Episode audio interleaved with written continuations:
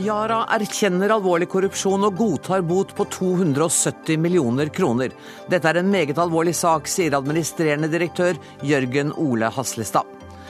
De kriminelle her i landet er blitt mer avanserte og bedre organiserte. Det sa politidirektøren da han i dag la fram kriminalitetstallene for 2013. Riksadvokaten mener politiet må styrke innsatsen mot den organiserte kriminaliteten. Luftfartstilsynet med nytt forslag om merking av kraftlinjer etter gårsdagens helikopterulykke. Sikkerheten er truet av kommersielle interesser i kraftbransjen, mener Flygerforbundet.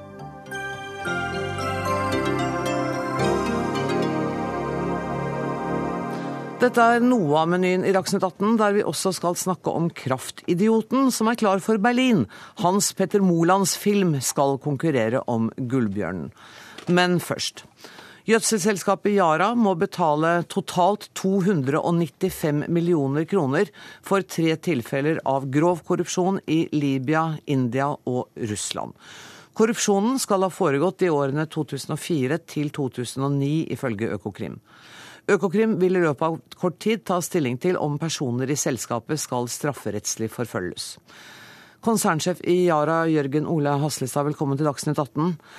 Det var ledelsen selv som varslet Økokrim om mistanker om korrupsjon våren 2011. Hva var bakgrunnen for det varselet?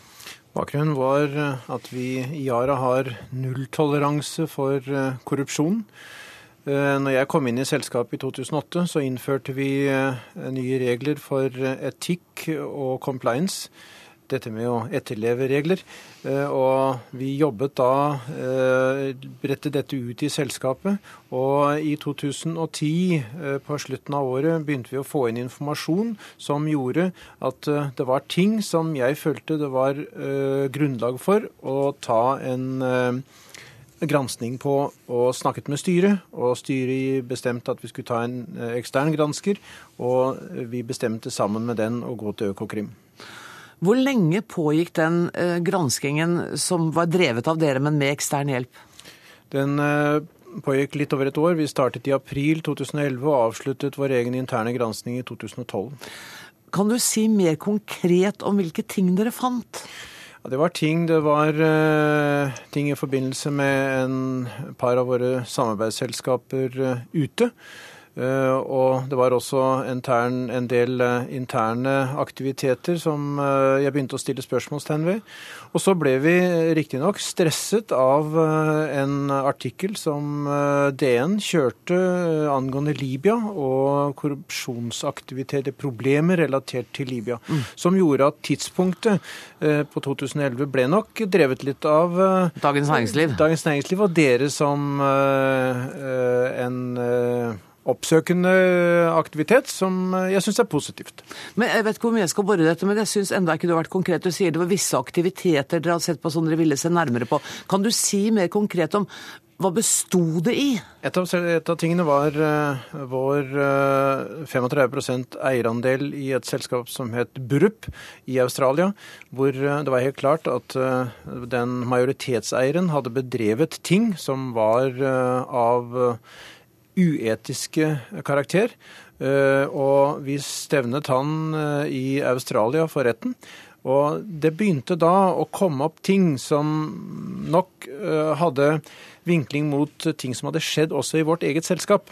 Og det var de tingene som gjorde at jeg varslet vårt styre.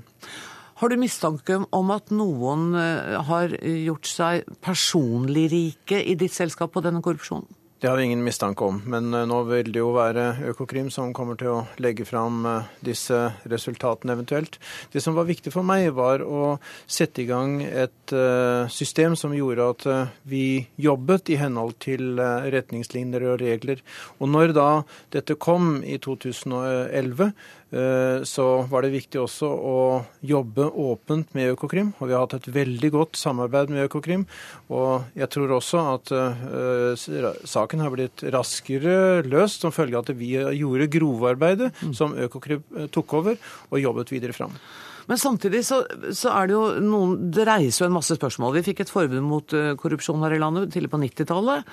Uh, de sakene som dere har avdekket, har altså vart, fått lov å vare fra 2004 til 2009. Sier det noe om kulturen i ledelsen i Yara?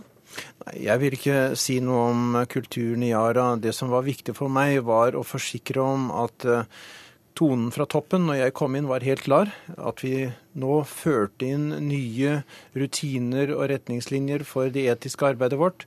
Og når vi da fikk den saken som vi fikk, være åpen, være ærlig, prate om dette og få da nå dommen som vi har fått fra Økokrim. Hvor vanskelig var det å erkjenne eh, for det første korrupsjonen, og for det andre å beslutte sammen med styret at man skal vedta denne rekordstore boten? Eh, det å først gå til Økokrim og gi oss opp, syns jeg det var veldig naturlig å gjøre, ettersom de tingene som vi fant, som eh, på noe vidt balla på seg i selskapet Når det gjaldt botens størrelse og aksept for det, så hadde styret gode diskusjoner. Jeg var med på styremøtene. Og det er klart det er en um, stor bot, uh, men det er også en erkjennelse på at vi har gjort ting som uh, ikke vi skulle ha gjort. Og dermed så vi også må være villige til å betale for det. Er du nå, Kan du lene deg tilbake og være trygg på at korrupsjonsproblemet i Yara er løst? På det nivået som vi har avdekket gjennom det Økokrim har jobbet med, er jeg 100% sikker på at det vil vi ikke finne igjen. Det er bestandig ting i en organisasjon som man kan finne eh, langt nede i organisasjonen, men på høyt nivå så er jeg veldig trygg på at dette selskapet vil eh, har kommet styrket ut av denne prosessen som har vært igjennom, og vi vil ikke få tilsvarende saker i fremtiden. Konsernsjef i Yara, Jørgen Ole Haslestad, tusen takk for at du kom til Dagsnytt 18. Du har sagt at du ikke vil gå i diskusjon. Eh, vi skal snakke nemlig videre om dette, men nå kommer bl.a. Økokrim, og da skal du få lov å slippe unna. Tusen takk for at du var her. Takk for det. Marianne Djupesland, eh, jeg begynner med deg. Eh, du er førstestatsadvokat i Økokrim. Jeg prøvde nå å spørre litt konkret eh, konsernsjefen hvordan, eh, hvordan dette, hva det var som hadde skjedd. Kan du være mer tydelig på hva er det denne korrupsjonen har bestått i? Ja, Dette er en meget uh, alvorlig korrupsjonssak av flere grunner. Først og fremst fordi vi mener at det er brukt bestikkelse overfor høytstående uh, embetsmenn. I India og i Libya dreier det seg om en minister som da hadde uh, innflytelse over den forhandlingsprosessen Yara var i, med å etablere fabrikk i Libya. Videre så er disse bestikkelsene skjult på meget sofistikerte måter. Det er brukt falske regnskapsdokumentasjon. Det er brukt skatteparadiser altså selskaper i såkalte skatteparadiser, og man har skjult pengeoverføringene ved å overprise varer. Slik at å avdekke dette er svært vanskelig. I tillegg så har vi jo vektlagt eh, i eh, vår eh, reaksjonsfastsettelse at selskapet den gangen ikke hadde gode rutiner for antikorrupsjonsarbeidet. Men var dere helt blanke da Yara selv henvendte seg til dere? Hadde dere noen mistanker om at det foregikk noe der? Vi ble først kjent med disse mistankene ved påsketider i 2011, og det var da vi startet vår eh, etterforskning. Kunne selskapet selv ha kommet til dere på et tidligere tidspunkt, syns du? Vi syns det er viktig at selskap kommer til Økokrim med sine mistanker. og Det har også vært en formildende omstendighet ved vår utmåling. Eh, vi hadde jo helst sett selvfølgelig at eh, disse mistankene hadde kommet på vårt bord så tidlig som mulig. og Det er fordi at bevis forvitrer, informasjon blir vanskeligere eh, tilgjengelig etter hvert som årene går. slik at vi ønsker å signalisere at selskaper skal komme så tidlig som mulig til oss. Hvor, hvor omfattende har denne etterforskningen vært? Den har vært veldig krevende, og det ligger jo i, i denne korrupsjonens natur. At den forsøkes å gjøres skjult. Det er muntlige avtaler. Det er eh, altså vanskelig å avdekke gjennom regnskapskontroll osv. hva som er skjedd. Slik at eh, dette har vært krevende, ikke minst tidkrevende. Også fordi vi må henvende oss til politiet i andre land. Vi har altså samarbeidet med, med politiet i mer enn ti land. Eh, og vi har måttet få betydelig bistand i forbindelse med ransakinger, utlevering av bankopplysninger. Og så får vi da noe informasjon fra én konto i utlandet, og så må vi nøste videre der. Kanskje er det da pengeoverføringer til et tredjeland, så må vi henvende oss dit. Og dette er ikke slik at vi kan knipse i fingrene og, og reise til utlandet. Vi er avhengig av at politimyndighetene i de landene kan bistå oss. Um, er dere sikre på at dere har avdekket alt som var? Altså det er tre land de har begått bestikkelser eller korrupsjon i. Eh, Yara er i langt flere land. Er dere sikre på at dere har funnet alt? Altså Økokrims oppgave er jo da å avdekke straffbare forhold. Mm. Eh, og de undersøkelsene vi har gjort, og etterforskningen, har da munnet ut i dette forelegget, som er det vi mener er konklusjonen strafferettslig på denne saken. Og bare for å være helt presis, altså boten er på 270 millioner, og i tillegg så er det 25 millioner i inndragelse i overskudd. Mm. Er det riktig forstått? Sånn, totalt er det 295 millioner. Næringsminister Monica Mæland, dette er jo ikke noen lystelig sak. Hva er din reaksjon? Ja, Min reaksjon er at dette er veldig, veldig alvorlig. Eh, vi snakker om eh, grov korrupsjon. Vi snakker om kriminalitet. Eh, en alvorlig handling. Så, så, det er viktig for meg å understreke alvoret. Og ikke minst være tydelig på at staten har nulltoleranse for korrupsjon. Og det er noe vi tar opp i samtaler med alle de selskap vi eier, og som vi legger veldig stor vekt på. Og Staten er største eier her med 36,2% Hva kan du som eier gjøre for å hindre hindre at dette skjer igjen?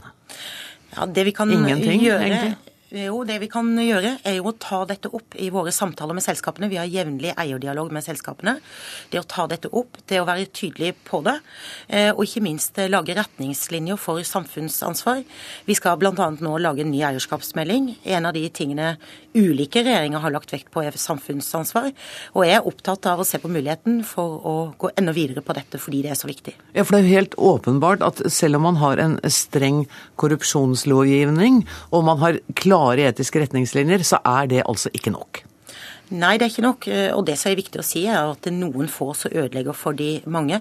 Yara er et stort selskap. Mange mennesker gjør en eh, god jobb hver eneste dag. De er i 150 land. Men noen få begår altså kriminelle handlinger av veldig alvorlig karakter som ødelegger for selskapet. Tusen takk for at dere kom til Dagsnytt 18, Marianne Djupesland og Monica Mæland.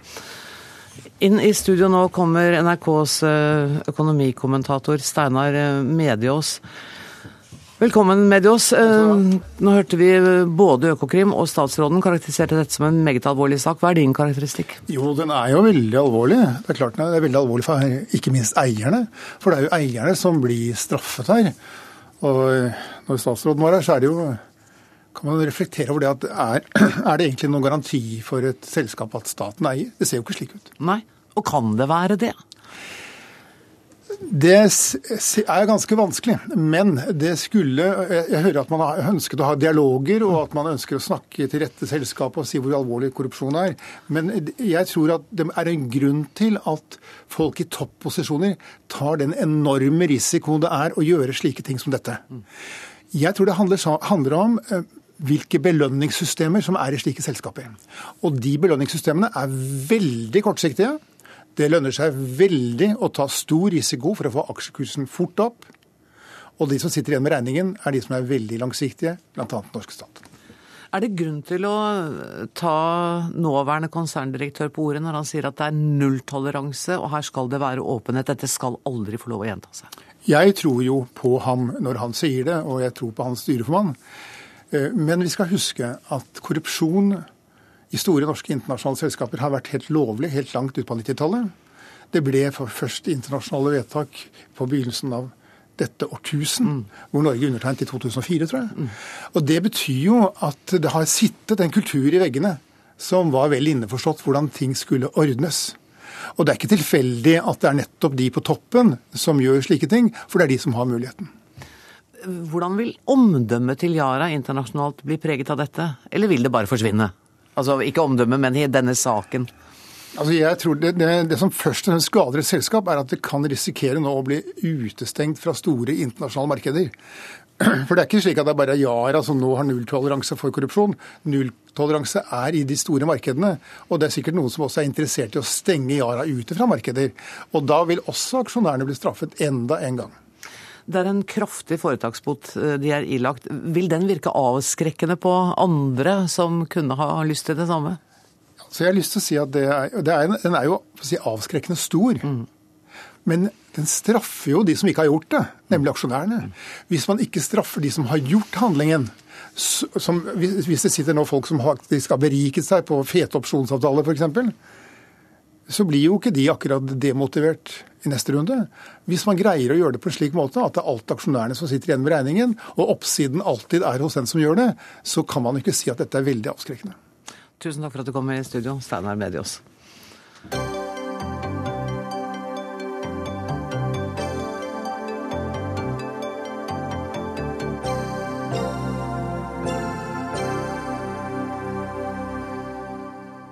Vi skal eh, skifte tema og snakke om eh, kriminalstatistikken som ble lagt fram i dag. Men eh, riksadvokat Tor Aksel Busch, siden du nå er her, eh, så kan ikke jeg la være å benytte anledningen til å spørre deg om eh, størrelsen på den boten som Yara er ilagt, altså 270 millioner pluss 25 millioner inndragning av fortjeneste. For det, så vidt jeg husker, så, så er det Statoil som var den forrige store, på 20 millioner. Og så blir det et kvantesprang. Hva, hva er dette et signal om?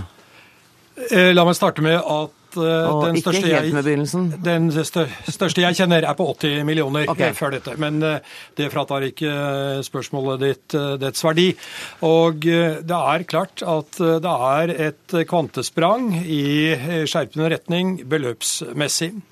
Men å drøfte eh, hvorvidt dette er reelt sett en endring for denne vurderingen som Økokrim har foretatt, og som er Økokrims eh, egen, jeg kan ikke denne saken, de er en sammensatt eh, vurdering hvor mange faktorer spiller inn.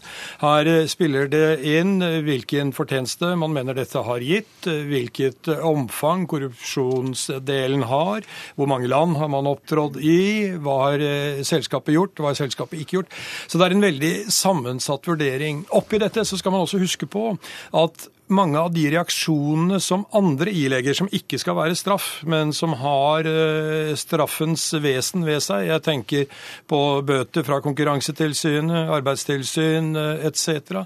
De har jo også begynt å gi reaksjoner i veldig stor størrelse eh, beløpsmessig. Og det er klart, det virker også inn på bøtene som påtalemyndigheten fastsetter. Så ja, dette er et høyt beløp, men ikke nødvendigvis nødvendigvis en dramatisk endring med utgangspunkt i det vi kjenner fra før. Tross alt, det sier noe om alvor og omfang. Mm. Da skal vi snakke om eh, kriminalstatistikk, mine herrer. For i dag så ble den for 2013 lagt fram. Politidirektøren kunne fortelle oss at den registrerte kriminaliteten i Norge er noe fallende, men at den blir stadig mer kompleks, organisert og grenseoverskridende.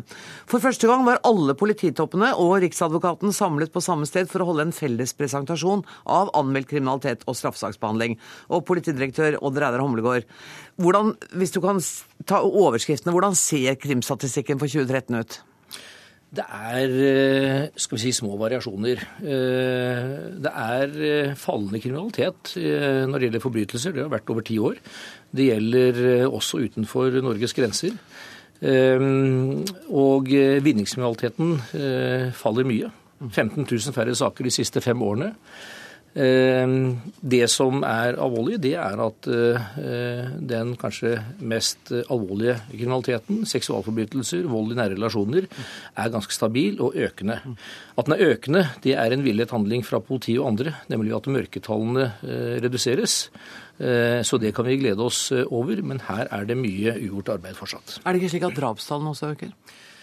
De har økt, og de er eh, en økning i, 2013. Men eh, det er såpass små tall sammenlignet med naboland, at man må regne med sånne skal vi si, variasjoner. Det som bekymrer oss med drap, som er det mest alvorlige man kan begå, det er jo at det er en stor andel partnerdrap i Norge. Det skiller oss fra andre land, og det må vi jobbe videre med.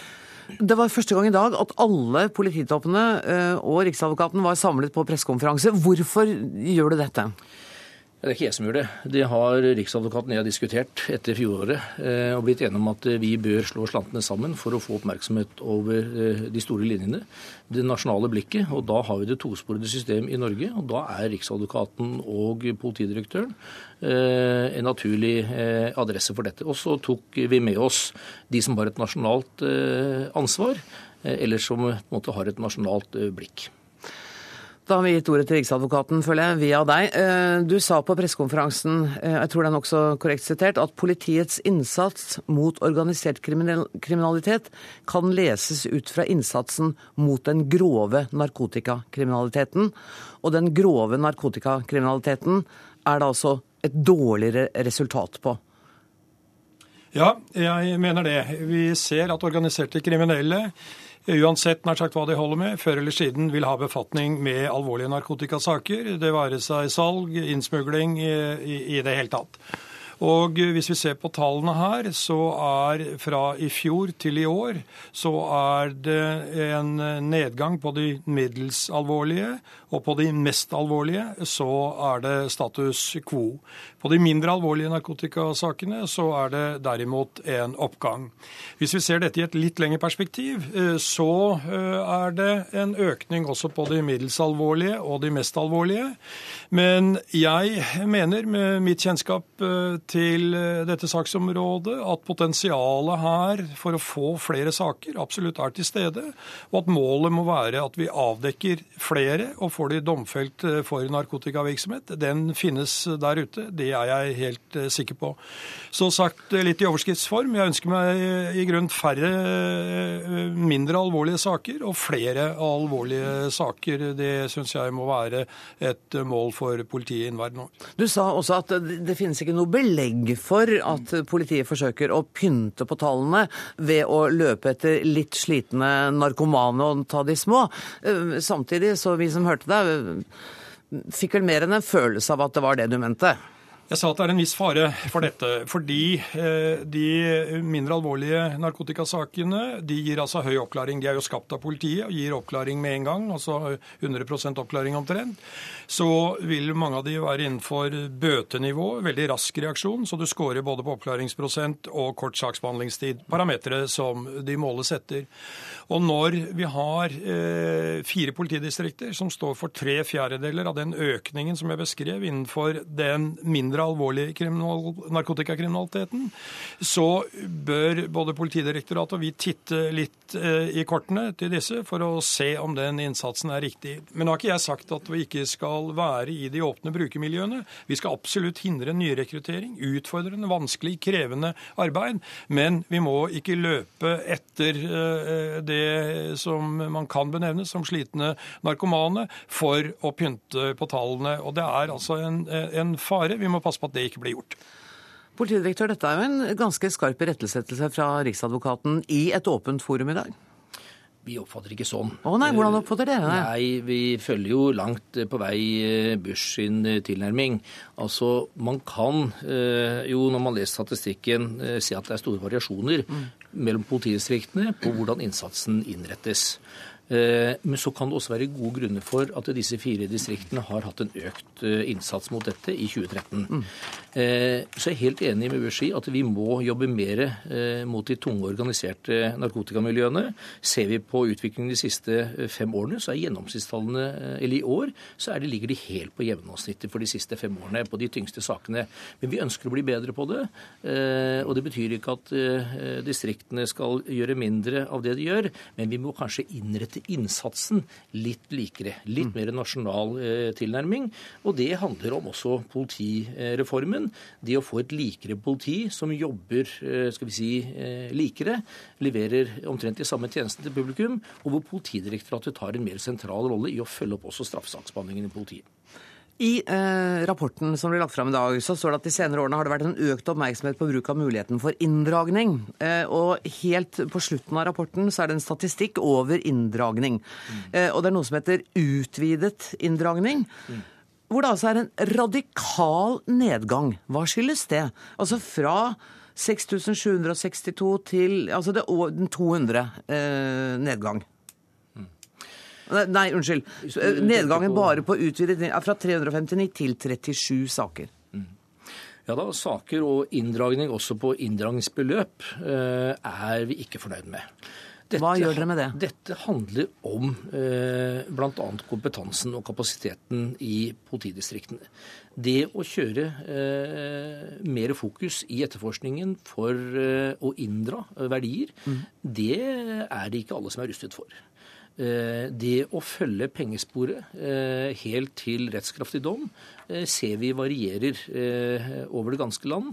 Vi er ikke fornøyd med det vi har klart i 2013. Det har vært bedre enn det det var i år på enkelte områder, mm. men vi er uansett ikke fornøyd nok. Og vi bør bygge opp og satse mer på dette i årene som kommer, men da må vi ha mer robuste enheter enn det mange eh, etterforskningsmiljøer sliter med i dag. Riksadvokat, hva er din kommentar? Altså 359 utvidede inndragninger i fjor, eh, altså i 2012, og 37 i 2013. Nei, Dette er rett og slett for dårlig. Og et felt som har hatt mye oppmerksomhet gjennom mange år. Og vi har ikke fått dette til som vi ønsker. Den politiske bestillingen her, med Stortinget i spissen, er krystallklar. Kriminalitet skal ikke lønne seg, og inndragning er en viktig del av det. Jeg tror at noe av forklaringen kan være at det i en periode har vært Eh, mindre oppmerksomhet, naturlig nok i og for seg, med utgangspunkt i smertelige erfaringer fra 22.07.2011 mot etterforskning til eh, altså beredskapssikkerhet har fått mer oppmerksomhet. Og etterforskningsmiljøene har eh, og man skjærer til saken. Inndragning blir sekundær i forhold til å få bevis for selve straffeskylden, og at dette kan ha noen forklaring der. Vi må sammen med Politidirektoratet bli eh, tydeligere i vår bestilling, selv om jeg mener at vi har vært veldig tydelige. Men vi må også drøfte tiltakssiden. Dette må ganske enkelt bli eh, vesentlig bedre. Og det, er, altså det, det underliggende spørsmålet er nemlig å inndra penger fra eh, kriminelle. Det er jo alle enig i at det er et viktig tiltak. Men jeg markedsfører også at det å få bevis for pengedelen, for fortjenestedelen, det er et ganske viktig bevis for primærforbrytelsen. Altså Får du pengedelen på plass, mm. så kaster det eh, lys over det vi ønsker å bevise for å få en, eh, en, en dom på fengselsstraff, som vi snakker om her. Og eh, man undervurderer nok iblant litt betydningen av å ha med seg pengedelen. Og som politidirektøren er innom, dette må vi ha med altså fra første stund. Vi må ikke begynne å rote med det når tid for tiltale er inne. Det skal være med fra etterforskningen igangsettes. Men da er det litt rart, for Du sier at det har vært fokus på dette her gjennom flere år, og bestillingen har vært klinkende klar fra Stortinget. Eh, og så sier politikerne vi har ikke kompetanse, vi har ikke ressurser. Nei, men altså, Før jeg hører Riksadvokatens kommentar, er det, er det der det ligger? At dere mangler penger og folk med skolering? Eh, jeg deler i og for seg vurderingen at eh, vi her kan eh, få bedre kompetanse. Vi har hatt mange inndragningskurs, vi har hatt mye opplæring i det. Men det som jeg prøvde å beskrive, var i og for seg en reell situasjon hvor etterforskning har naturlig nok, som jeg sier, fått noe mindre oppmerksomhet fra politidistriktenes ledelse. Og eh, dette vil kunne gi seg utslag i at man må skjære til sakene på en måte som vi ikke oppfatter som optimal. Det kan ha gitt seg denne type utslag. Det er i hvert fall forsøk på en forklaring som er dagsaktuell. Ja, og vi er eh, nå i en situasjon hvor vi altså skal fokusere mer på dette her. Det er gitt penger av regjeringen eh, til å satse mer på økonomisk kriminalitet, for cyberkriminalitet. Det er vi takknemlige for. Og det er eh, også slik at vi får nå flere medarbeidere ut. 350 fullfinansierte årsverk. Jeg sa i dag at jeg kommer til å gi klare føringer til politimesterne at noe av disse nye stillingene skal settes inn på etterforskning, og ikke bare på operativitet og beredskap. Nettopp, for det var mitt neste spørsmål. Er det slik slik at etterforskningen har kommet litt i bakleksa pga. det sterke fokuset på operativt politi? Ja, ja og det, det, mener jeg også har vært riktig og nødvendig. Eh, og en klar bestilling, det også. Men nå må vi balansere, som Riksadvokaten sier. Dette eh, har også kommet frem nå i en, en rapport eh, som også Riksadvokaten har vært med å initiere og bestilt av departementet.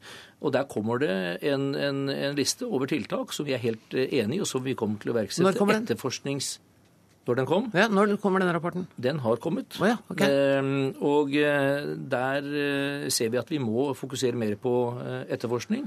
Balansere dette eh, bedre. Men det nytter altså ikke å putte mer ressurser, eh, penger eller folk inn i gammel struktur. Vi må også evne å bygge opp kompetansemiljøer på økonomisk kriminalitet og teknologisk etterforskningsstøtte for å komme til bunns i dette. Statssekretær Hans eh, Røsjorde, du har vært utrolig tålmodig. Men det er, Du er statssekretær i Justisdepartementet, og det er fordi at eh, det ville føles unaturlig både for deg og for de to embetsmennene å diskutere dette. Men hva er din kommentar til det du har hørt nå? La meg først spøkefullt si at uh, tålmodighet kommer med alder. eh, Snakk for deg sjøl.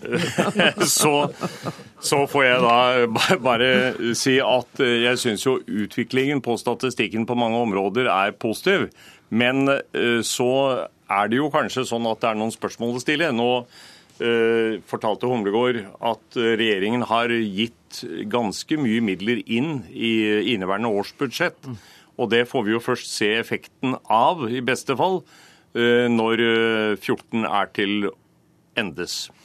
Men så kan man jo spørre seg her, hva er årsaken til at det går ned? Kan det være at folk pga. straffesakskjedens skal vi si, mange flaskehalser, eh, nøler med å foreta anmeldelser. Fordi de sier nei, det hjelper ikke, dette blir henlagt allikevel. Eh, den type spørsmål kan kanskje virke inn på statistikken, men det, det, det er en påstand som er vanskelig å dokumentere. Men eh, fordi Det blir jo flere mennesker i dette landet, og hvis kriminalitetsstatistikken følger befolkningsveksten, så skulle man jo forvente noe som en følge av det. Så en siste bit er Jeg tror kanskje at eh, en del av det politiarbeidet som har vært gjort i forebygging, er med på å, eh, å, å slå inn på statistikken. Og så er det kompleksiteten som det har vært pekt på tidligere. Den ser vi øker, særlig innenfor økonomisk eh, og, og cyber og den type mer komplekse ting. Så eh, nå ser man jo at eh, når det gjelder skal vi si, gode, gammeldags eh, tjuverier, anmeldelse på det i, i butikker, det, det, viser en økning. Mm. Mens når det gjelder ran, så har jo det gått ned. Det betyr at i hvert fall er lov å tenke seg at forbrytergrupperinger av i dag går på større verdier. Mens selvsagt for folk flest så er et tyveri det er et tyveri. Og det forventer man også at politiet bidrar med. Statssekretær, jeg er så glad du kom. Jeg, brukte, jeg falt for fristelsen til å snakke litt for lenge med disse embetsmennene. Tida løper litt fra oss. Men kan du ikke bare helt kort si hva skulle du ønske at, av det du har hørt i dag, at politiet satte fokus på? Nei, Jeg uh, syns det er viktig å sette fokus på uh, økonomisk kriminalitet og uh, på det som leder til det jeg får kalle grove ran og, og, grov håndtering av eh, innbyggerne. Det viktigste er at innbyggerne føler seg trygge, og at politiet legger opp sitt arbeid i henhold til det. Tusen takk for at dere kom. Takk til Tor Aksel Busch, riksadvokat, Odd Reinar Humlegård, politidirektør, og Hans eh, Røsjorde, som er statssekretær i Justisdepartementet.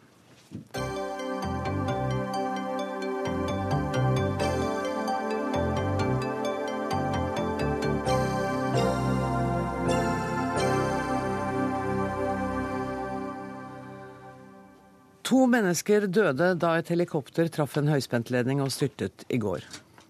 Bare om lag 2000 av totalt mer enn 70 000 hindre i luftfarten er merket. Nå må kraftbransjen merke ledningene sine én gang for alle. Det krever dere i Norsk Flygerforbund, der du er leder, Petter Førde. Hva mener du skal til? Jeg mener at uh, disse ledningene må merkes på en ordentlig måte. Fysisk merking av hver enkelt ledning? Det er helt korrekt. De må fysisk merkes. På den annen side så er det nok helt umulig å kunne merke alle spennene som vi har i dette langstrakte landet. Så, men i alle fall de høyeste og de lengste spennene må merkes på en skikkelig måte. Det er Luftfartstilsynet som er ansvarlig for dette, og det er de også som er ansvarlig for at reglene blir fulgt, og at uh, da kraftselskapene uh, følger de reglene som Luftfartstilsynet har satt. Ole Fulseth, du er administrerende direktør i Energi Norge, som er interesse, interesseorganisasjonen for kraftselskapene. Nå har jeg tatt stolen min. Um, hvordan merker dere, Hvorfor merker dere ikke alle kraftledningene? Altså, I kraftbransjen så er vi jo uh, selvfølgelig opptatt av sikkerhet, også flysikkerhet. Og etter en sånn tragisk ulykke så er det naturlig at man selvfølgelig tar en gjennomgang både hva kan gjøres og hva kunne vært gjort. Men uh, jeg reagerer jo på måten Førde har utlagt dette, og med, med NRK som plattform til morgen i dag, hvor det gis inntrykk av at de tidligere diskusjoner om merking av luftspenn har noe som helst å gjøre med, med ulykken på Solihøgda. Vi snakker om helt andre nivåer. Eh, sånn at eh, selv om alle regler hadde vært gjennomført eh, som det var foreslått, så ville det ikke hatt noen konsekvens for de lave spennene. Derfor er vi opptatt av at vi må ha såkalt GPS-merking. Altså at de kartene flyverne har om bord, og de systemene de har om bord, de gir en varsling når du nærmer deg disse tingene. Og da vil du ha en sikkerhet som gjelder alt linjenett, og de spennene det gjelder, og ikke bare de høyeste. Førde. Jeg argumenterer ikke imot det. Jeg ser også for meg at vi må bruke teknologi og ny teknologi, både GPS og vi har også et eh, system som har vært utprøvet her i Norge for flere år siden, som nå av en eller annen merkelig grunn er slått av, som skal varsle på den måten som, som nevnt her. Men, men, hvorfor vil du Du sier at du vil ha fysisk merking av uh, disse kablene. Eh, kraftlinjene. Så, men så sier du at du er helt enig med ham. Er det ikke så farlig med den merkingen likevel, eller har jeg misforstått? Jo, det er det. Men dette her har med høyden på mastene å gjøre, det... og, og avstanden mellom mastene. Så man har jo da eh, master i dag som strekker seg over 500 meter opp i været, og de må selvfølgelig være merket, og det bør også spennet være. At man således skal kunne uh, sette opp merkinger på alle Eh, kraftnett, eller altså ledninger i, i Norge. Det sier jeg at det er ikke tror jeg, mulig, og det er ikke veien å gå. Vi må bruke teknologi som allerede er prøvet, og selvfølgelig videreutvikle dette her, slik at luftfarten da blir enda sikrere enn hva den er i dag de som er høye, og som har et spenn på 500 meter. Hvorfor, hvorfor, er ikke de merket? Er det ikke nødvendig? De, er merket. Diskusjonen har vært om hvor mye merking det skal være, hvor stort det skal være, hvor dyrt det skal være.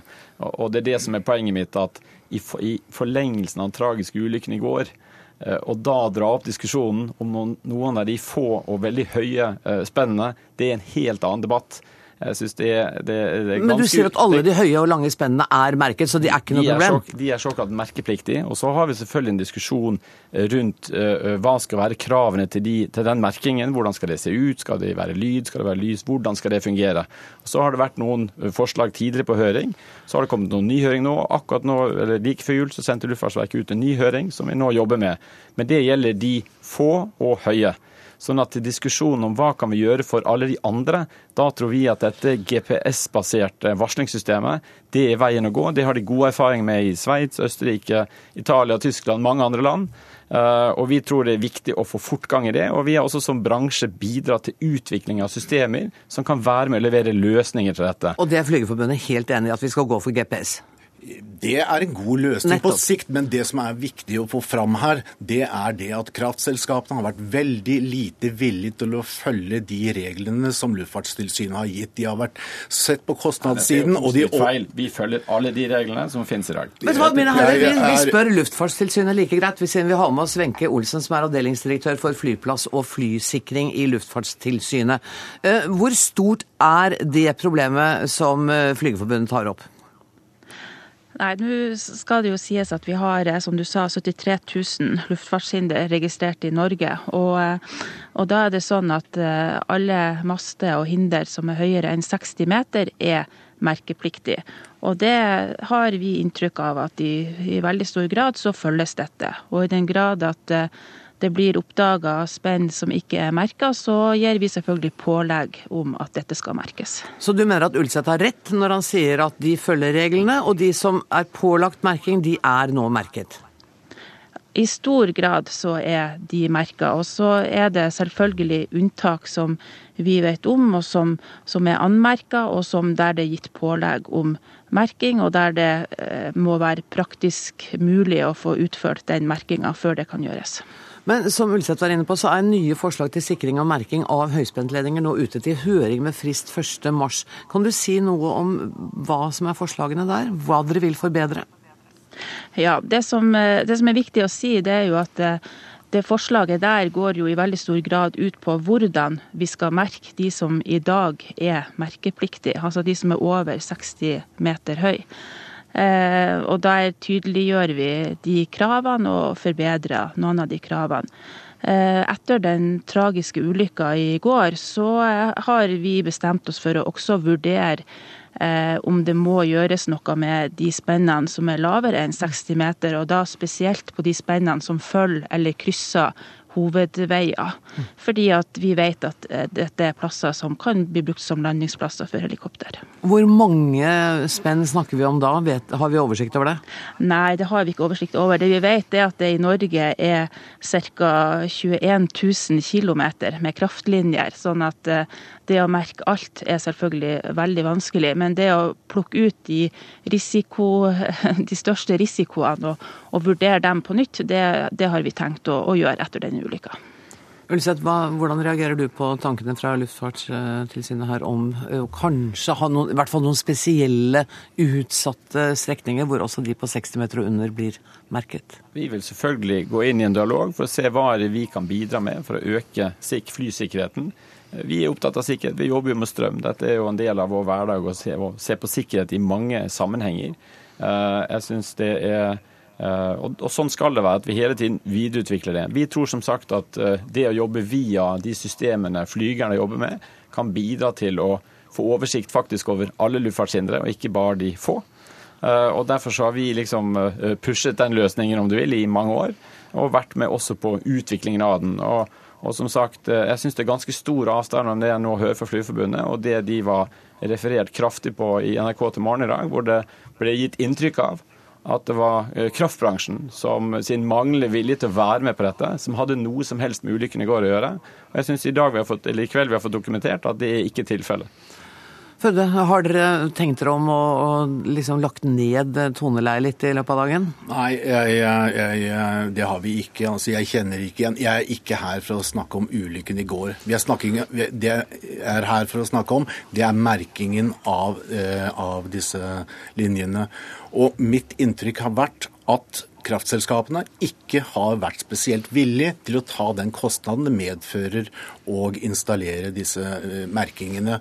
Og Det har jo vært en tolkningsmisforståelse mellom hva Luftfartstilsynet ønsker seg, og hva kraftselskapene føler at de er blitt pålagt å gjøre. Og Jeg kan ikke forstå at, at det skal være noe tvil om hvordan dette her skal merkes. Og jeg synes også at Luftfartstilsynet skal påse at det i stor grad er ikke godt nok. Enten så er det akkurat i henhold til reglene, eller så er det på utsiden. og Da må de ta det ansvaret og påse at kraftselskapene merker i henhold til reglene. Wenche Olsen, gjør dere ikke det?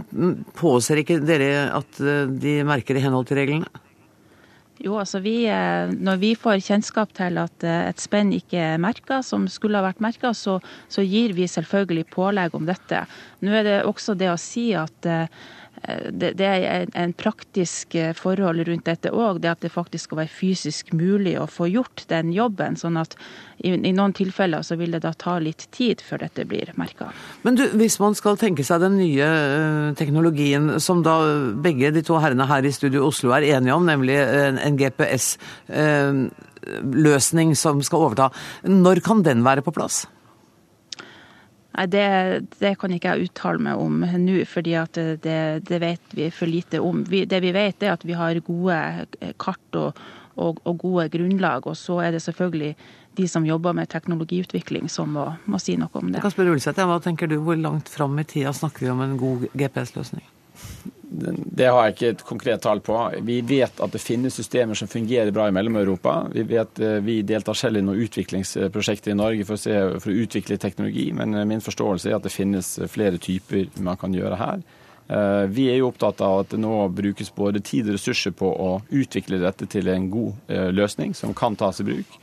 Og sånn sett så får denne, denne både diskusjonen selvfølgelig i etterkant av gårsdagens hendelse være en ekstra driv til å få fart i det arbeidet. Føde. Da vil jeg gjerne stille spørsmål til Luftfartstilsynet av hvorfor dette systemet som heter OCAS, som er et varslingssystem når luftfartøyer kommer i nærheten av høyspenn eller spenn, hvorfor er det systemet slått av?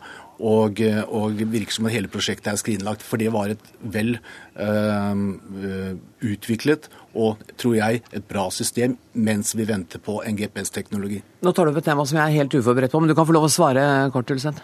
Det var til Luftfartstilsynet. Det var til Luftfart... Ja, ja, unnskyld, Wenche Olsen, kan du svare kort på det? Ja, Det jeg kan si om det, det er jo det at det selskapet som leverte tjenester med, med overvåkning, og da påså at disse systemene eh, var i drift, har frasagt seg den jobben. Så det er jo ikke noe som Luftfartstilsynet har styring over. Dette er jo kommersielle avtaler mellom kraftselskapene og disse selskapene. Dermed må jeg sette strekk. Tusen takk til Petter Førde, Oluf Ulseth og Wenche Olsen.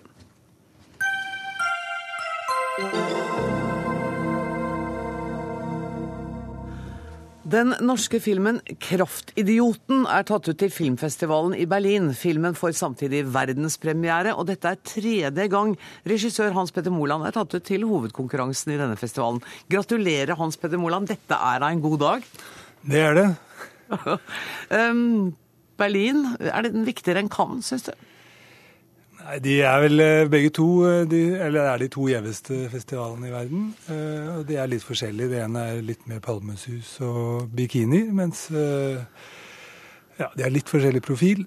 Berlin er den største, det er desidert største også i forhold til publikum, i forhold til marked osv. Kraftidioten. Jeg så et Det ligger en liten trailer, bitte lite sammenklipp på, på, nettet som jeg så på. Den ser ganske voldsom ut. Kan du forklare hva slags film det er du har laget? Ja, Vi har vel egentlig gitt litt faen i alle mulige sjangere, så den er litt vanskelig å bestemme, annet enn at uh, den er en komedie, det tror jeg vi godt kan si. Samtidig som den er ganske voldelig og en hevngjerrig komedie. Uh, men uh, i tillegg til det så har den da ja, Vi har tatt oss alle de friheter vi kunne tenke oss. Dere har lekt dere, rett og slett? Ja, det, er, det må jeg si at det har vært uh, en lekende affære å lage. Hva manuset, da? Det har uh, skrevet sammen med Eller det er Kim Fops, som jeg jobbet sammen med på forrige film, mm. som har skrevet manus etter en idé som jeg hadde. Og det har vi også hatt en, en veldig morsom utvikling av. Du har en hang til det litt absurde? Ja, det er ikke alt som andre syns er absurd, som jeg synes. Eh, men jeg er jo glad i absurd humor, det er jeg. Ja. Jeg syns jo livet er ganske groteskt og, og morsomt samtidig. Du, altså, Stellan Skarsgård er med i denne filmen også. Det var kanskje ikke så vanskelig å be han. Jeg vet at dere samarbeider jo godt og kjenner hverandre godt. Men Bruno Gans, du. Ja, øh, øh, det er veldig mange med denne filmen. Men øh, Bruno og Stellan er kanskje de to av Europas aller fremste skuespillere. Har vært i lang tid. Og jeg har alltid hatt en drøm om å klare å, å forene de to i samme film. Det har de aldri gjort før. Så, og det har jeg lykkes med, den her. Og de som har sett uh, Der Untergang, ja. så spiller han jo Hitler uh, der. Og Bruno er en fantastisk skuespiller og har vært veldig morsomt bekjentskap. Jeg så ham også i den der Bader Meinhof-kompleks. Ja. hvor han også, bare, bare, sånn at vi har sagt det, sånn at folk vet hvem det er vi snakker om. Han er en av de aller, aller største. Han var ikke så vanskelig å be, han heller, kanskje? Nei, han var ikke det. Hvordan har kjemien vært mellom eh, Skarsgård og Gans, da? Jo, vi har hatt det veldig morsomt sammen. De har ikke veldig mange scener sammen, men de er jo liksom to mennesker som Eh, kommer fra forskjellige miljøer, får man vel si, i denne filmen. Eh, Bruno spiller en eh, sannsynligvis en serbisk mafiaboss. Litt uklart hvor han kommer fra, men sannsynligvis serber. Og Stellan er brøytebilsjåfør. En velintegrert innvandrer på høyfjellet i Norge. Og det er selvfølgelig helt naturlig at de to skal møtes, så vidt? Eh, innenfor filmens univers så tror jeg det i hvert fall er sannsynlig når de møtes. Ja. Eh, og så er det, en, som du sa, det er mange mennesker med i filmen, og det er liksom stjernespe, en stjernespekka eh, film med norske skuespillere, ikke sant. Der er Pål Sverre Valheim Hagen, der er eh, Anders Baasmo Christiansen, og nå glapp det litt for meg, du kan sikkert nevne noen flere. Ja, det er Jakob Oftebro ja. og Tobias Antelmann, det er Jon Øigarden, det er eh, Birgitte Hjort Sørensen, som man sikkert kjenner fra Broen, eh, Gard Eidsvoll eh, Ja, nå glipper noe for meg òg. Men uh, Stig Henrik Hoff er med, og um, ja. Uh, man skal ha liksom litt sans for den absurde humoren og, og, den litt rå og tøffe humoren. Men du, altså, kjenner jeg deg rett, så er du liksom enda ikke Du har ikke levert fra deg filmen. Den er ikke helt ferdig for den festivalen. Starter ikke før 6. februar. Nei, det er riktig det. Det siste hånd på verket legges i disse dager. Og hva er siste hånd på verket? Hva er det siste du gjør? Eh, det er eh, det, alt fra å godkjenne eller se på plassering av eh, ettertekster Nå holder jeg på med visual effect, som det heter, som er små sånne visuelle effekter. Og jeg holder på med siste del av lydmiks. Alt fra sånn ja, musikklegging og sånne ting. Og hvor mange timer har du brukt i det klipperommet? Sånn totalt? Nei, jeg har vært der siden i våres en gang. Eh, og flyttet meg litt grann fra da først bilde, og så bilde og lyd, og så bare lyd. Og nå til slutt så sitter jeg ute på Jar, faktisk, hvor det egentlig er litt sånn ghost town, og mikser filmen på gamle, gamle tomter. Du lover at du er ferdig til 6. februar? Ferdig til Du er klar ja, til å dra til Berlin? Jeg er ferdig neste uke. Jeg hjelper deg med den bankinga der. Lykke til, Hans Petter Moland, og tusen takk for at du tok deg tid til å komme til Dagsnytt 18. Løp tilbake og gjør den filmen ferdig. Takk skal, takk skal du ha.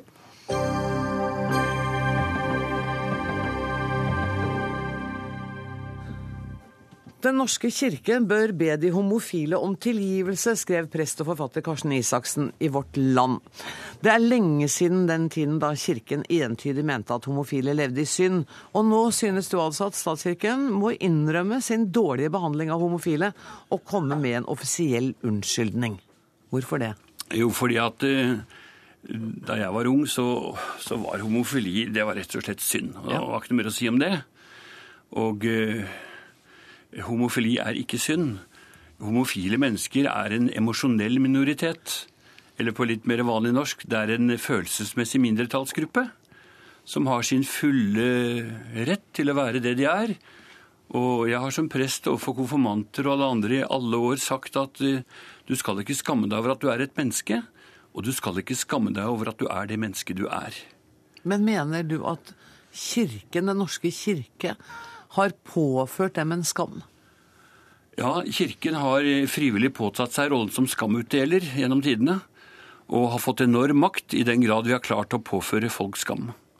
Og noe av det aller alvorligste vi har gjort, det er å påføre homofile skam, for mange av de har gått i selvmord. På hvilken måte mener du at Kirken skal be om unnskyldning? Ved at vi nå begynner å si noe annet enn det som har vært sagt fram til nå. Og jeg er veldig opptatt av, etter å ha sett Jonas Gardells film som gjorde kolossalt inntrykk, at eh, homofile mennesker må få det kirken har tatt fra dem, nemlig likeverd og menneskeverd. De skal begynne å behandle dem på en annen måte. De trenger ikke en verbal unnskyldning som gruppe. Gjerne det, men det er nå gjort på et minutt. Men eh, hele holdningen må endres. Men har den ikke blitt endret, da? Jo, den har blitt endret i løpet av de siste to årene, faktisk. Ja, det har skjedd enormt mye på to år. Så hva er da poenget ditt? For nå gjør jo Kirken det du ber den om. Nei, eh, nesten alle institusjoner i samfunnet har nå kommet på plass. Og i løpet av et par år så tror jeg en alminnelig nordmann og svenske, for det serien er laget i Sverige, aksepterer og respekterer homofile. Men de siste i køen er Kirken. Og der nøler de enda. Og åtte biskoper vil ha en liturgi for homofil vigsel, fire vil ikke ha. Helga Haugland Byfuglien, du er biskop og preses i bispekollegiet i Den norske kirke. Blir du provosert av å høre Karsten Isaksen snakke? Nei, jeg blir ikke provosert. Jeg syns han har løftet frem et veldig viktig perspektiv. Eh, han gjør det med sterke uttrykk og ord, men han eh, uttrykker det som jeg tror svært mange eh, er enig i. Og det som er det aller viktigste, det han løfter frem så tydelig at dette handler om enkeltmennesker, deres liv deres historie. Han har jo tilbakeskuende blikk på hvordan dette har fungert. Mm. Og det gjør han på en måte som jeg tror ganske mange vil både kjenne seg igjen i, Og veldig mange av oss er ikke stolte over det som han beskriver. Så jeg blir ikke provosert. Eh, tvert imot så er jeg eh, der at jeg eh, ser dette som en veldig veldig viktig påminnelse, ikke minst når vi nå i Kirkemøtet om et par-tre måneder skal behandle spørsmålet om homofile skal få gifte seg i kirken, eller om det skal bes for de i kirken etter at de har inngått borgerlig ekteskap. Så dette er en påminnelse, og så gjør han det på sin slagferdige måte. Eh, og samtidig så, eh, så utfordrer han, men jeg blir ikke provosert på noe vis. Han utfordrer, men samtidig så er jo du enig i de grunnleggende holdningene hans. Jeg er enig i og har gitt uttrykk for det på, uh, i mange sammenhenger. Også i dette studioet i flere anledninger. Men er du villig til, som uh, den øverste representanten i bispekollegiet, å påta deg på vegne av Kirken skyld for den skammen dere har påført, ikke du personlig, men Kirken har påført homofile? Jeg har ofte uh, tenkt som så er det vanskeligere å homofil hvis du er troende. Mm. Og jeg tror at for en del så har det vært en eh, stor belastning å leve med den hemmeligheten som det ofte har vært, i møte med Kirken, hvor dette har vært eh, løftet frem på ulike måter. Tidligere tider var man ganske tydelig på at dette var synd. Nå bruker mange andre, andre, uttrykk i forhold til det, mens en del innen Kirken, og i hvert fall innen kirkefellesskapet, vil jo fremdeles bruke det uttrykket der. Så eh, hans påminning eh, sier oss i alle fall at når vi skal drøfte dette, så må vi ha respekt, og vi må passe våre ord at vi ikke påfører andre både krenkelse og skam. Men eh, når eh, jeg har sagt og, og fremdeles mener at, at, det å komme med beklagelse ikke der hvor vi er nå, så er det jo fordi at kirken vår er ikke enig i dette. Det er store ulike oppfatninger av det, og stor uenighet, og det kommer til uttrykk stadig vekk. Og hvis det skal være noen mening i å beklage, så må det jo være fordi at man har en erkjennelse av at man har ment og gjort ting på tvers av det som f.eks. kristen tro eh, står for. Og den uenigheten som finnes i Kirken, etter mitt skjønn sier ikke det det grunnlaget. Selv om mange av oss er der at vi ut fra det vi nå vet og det vi erkjenner, så ser vi at her har Kirken eh, gått gjennom en stor endring i forhold til holdningene. Men vi har jo ikke eh, kommet dit. Og jeg vet jo heller ikke om vi kommer dit at vi ønsker å vie likekjønnet til Kirken. Dette er jo det vi skal diskutere. Det, hun kommer deg langt på vei i møtet, Isaksen? Ja, jeg syns veldig langt på vei, så jeg er glad for å høre det jeg hører. Men du er allikevel ikke helt fornøyd. Du mener at Kirken burde Altså, Kirken jo noen, henger jo noen ganger etter i det som er den alminnelige folkeoppfatning, eller det vi oppfatter som det. Er ikke det litt Kirkens ansvar og ikke bare skulle være medstrøms, men være den som sier stopp opp, vent litt, dette er vanskelige etiske og moralske spørsmål. Jo da, det er eh, veldig greit at Kirken eh, ikke snur kapper med vinden hele tiden. Men eh, det som jeg tror både Helga og jeg er enige om, det er at dette er ikke først og fremst en sak, men dette handler om enkeltmennesker. Og enkeltmennesker har hatt det ulidelig vondt, og det må vi avslutte. Men mener du at Kirken da f.eks. burde tatt kontakt med enkeltmennesker eh, som man vet har lidd i denne situasjonen? Det vet jeg ikke om nytter, men det viktigste er at lederskapet i Kirken går ut med en annen melding enn at de skal skamme seg. Syns du at eh, den meldingen som eh, preses nå gir, er en sånn melding? Ja. Og da er det godt nok? Nei, nei, det er ikke godt nok, men det er en veldig bra begynnelse. Ja, Hva vil du mer? Nei, altså for meg er spørsmålet om homofili ikke først og fremst et spørsmål om rett og galt. Det er et spørsmål om liv og død. Og da aids kom, så tok det hundrevis av liv i Stockholm. For det kom som et sjokk, og de var ikke klare og kunne ikke møte det. Men eh, det har vært to epidemier som har rammet homofile, og det ene er aids, og det andre er kirken. For jeg kjenner i hvert fall ti mennesker, vet om ti mennesker som har tatt sitt liv rundt 20-årsalderen fordi de ikke klarte å være kristne og homofile. Og det må Kirken ta ansvar for, for det er vi som innførte skambegrepet. Så dette er et spørsmål om liv og død, og de homofile har hatt to store påkjenninger, og det er aids og Kirken. Dette er skarpe ord, Byfuglien. Ja, det, det, er veldig skarpt. Eh, og det Som jeg sa i sted, så eh, tror jeg at for en del så har det vært særlig belastende å være i det kristne miljøet. Og for noen så har det følt eh, Ganske mange har det ført til en ensomhetsfølelse, og vi vet at konsekvensen av det kan være å gå på livet løs. Mm. Så det skal vi ikke underslå. og Samtidig så må vi også ta på alvor at Kirken har eh, vokst i, i innsikt og forståelse både av homofile situasjon, slik som samfunnet ellers har gjort. Og vi har også eh, en del av oss forstår bibeltekstene slik at vi ikke kan bruke de til å, til å argumentere for de holdningene som Karsten Isaksen så tydelig fremstiller som, eh, som uheldige. Så, så, dette er jo det som vi holder på med i Kirken. Ja. Hvordan skal vi være kirke i møte med dette, som, som har den fortiden, og som er så krevende? Det må vi dessverre. Resten av det må vi ta en annen gang. Det er jo ikke så lenge før det møtet er. Jeg må si tusen takk til Karsten Isaksen og Helga Byfuglin. Og så skal jeg bare fortelle at ansvarlig for sendinga i dag var Odd Nytrøen. Det tekniske ansvaret har Finn Lie. Jeg heter Anne Grosvold. Vi høres igjen i morgen. Takk for nå.